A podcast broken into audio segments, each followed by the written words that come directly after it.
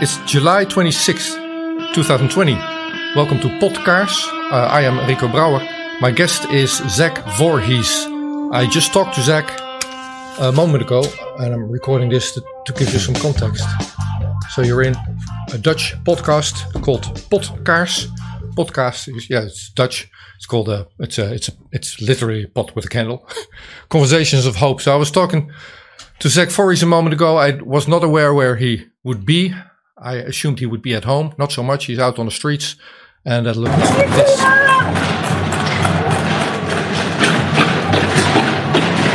All right. So he's been periscoping for me in the morning here, for him uh, there in at night. Now that's happening here in the United States, in uh, in Portland, top left, in the state of Oregon, um, where Antifa, Black Lives Matter, apparently is protesting. However, he says there's no black people out on the streets, uh, and, and, it's been going on uh, for days already, weeks already, and we've only just seen the start of it. So um, let's see what Zach Vorhies has to say. All right, Zach, we're recording. Good morning from the Netherlands. What's that? So, Zach, your camera is cute. Can you turn that thing? Right now they're it down. All right. So this is Zach Vorhies. Where are you, Zach? Tell me where you are. I'm in Portland, Oregon right now. What's happening there? They're throwing tear gas.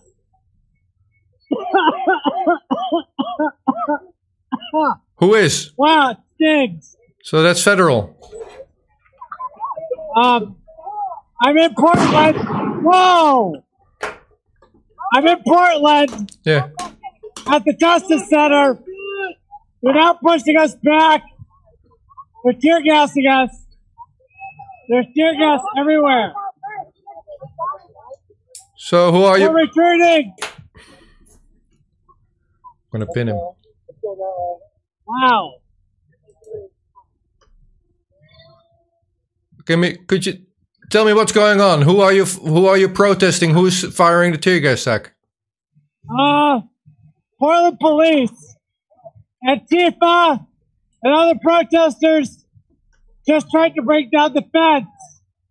And when they did, Portland or the federal police started firing tear gas.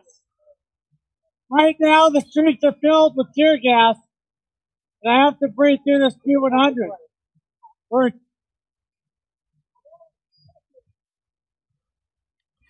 moving to another location.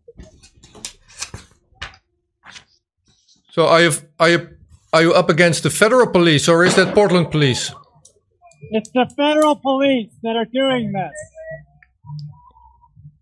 So these this has been going on for a few days. It's escalating now, is it? Yeah, we've had 54 days of straight protests and riots at uh, various places in Portland, and it seems that the Justice Center has become some sort of symbol to these protesters. And they come back night after night, trying to rip down the fence. Uh, at this point, we're in an escalation where the police are firing a bunch of tear gas Yeah. in order to thin out the numbers. At some point in the night, they're going to knock everyone back onto the other roads. What, like what roads do they do they go to? What roads do they go to? Do they push us back? Well, they'll, they, might try and fiddle us between streets. We, Okay. we don't really know. There's, there's a lot of them. They send out a lot of exercise. I'm being told by someone that protests here that they try to kettle the people and push them back a few blocks every night.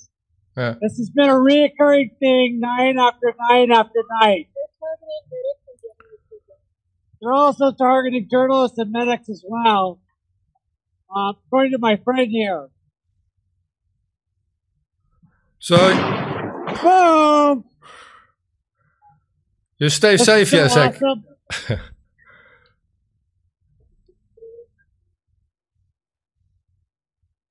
Right now, the streets are filled with tear gas. And what you hear is a bunch of wind blowers, a bunch of leaf blowers that people are using to kick back the, the, the tear gas. Huh.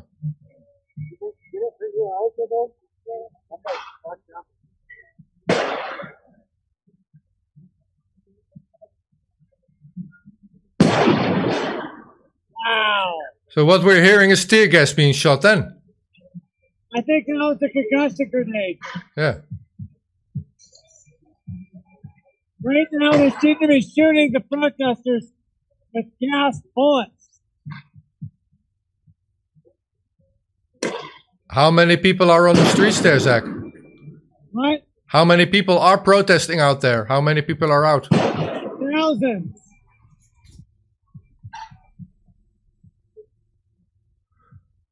And the protesters have been throwing fireworks and all sorts of things, glass bottles at the police. And then when they get too aggressive, the police shoot them with pepper ball sprays. Uh-oh. There's another one.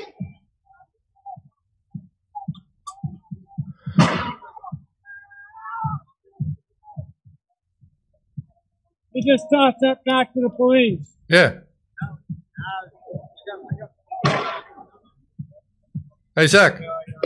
Whoa! God.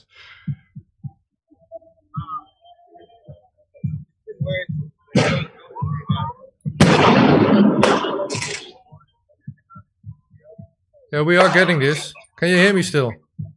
Yes, I can. So the Justice Center is a symbol, but it, Uh, just as much Portland appears to become a symbol, isn't it? Yeah. Portland. Now Seattle is the big hot spot tonight. Apparently there was 45 arrests or somewhere around that number.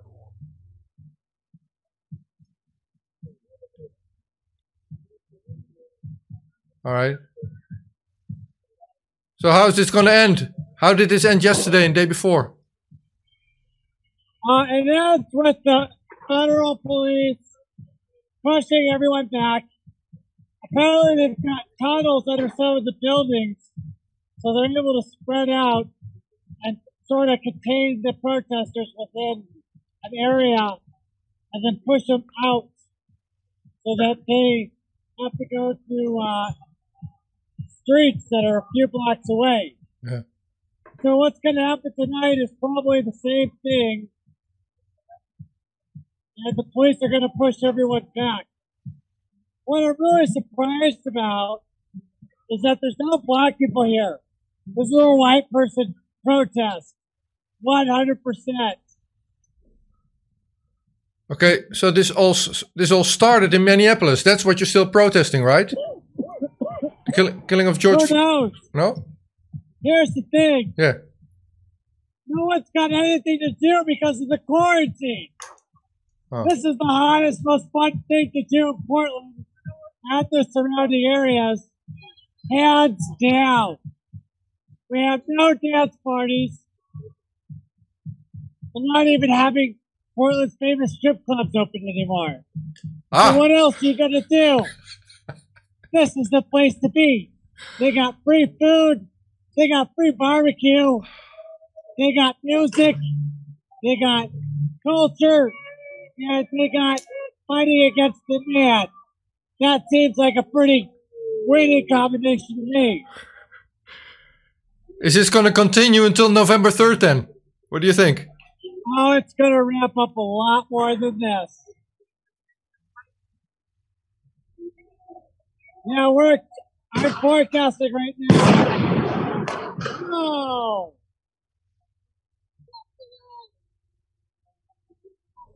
I'm forecasting a total social media blackout. And we're gonna see way more bad shit than this. This is just the starter bands. When the storm hits, it's gonna be high. Yeah. Zach, let's continue this thing when you're on a on a decent location where we can drill into what's going on. Okay? Stay safe. Okay, sounds good. Talk to you.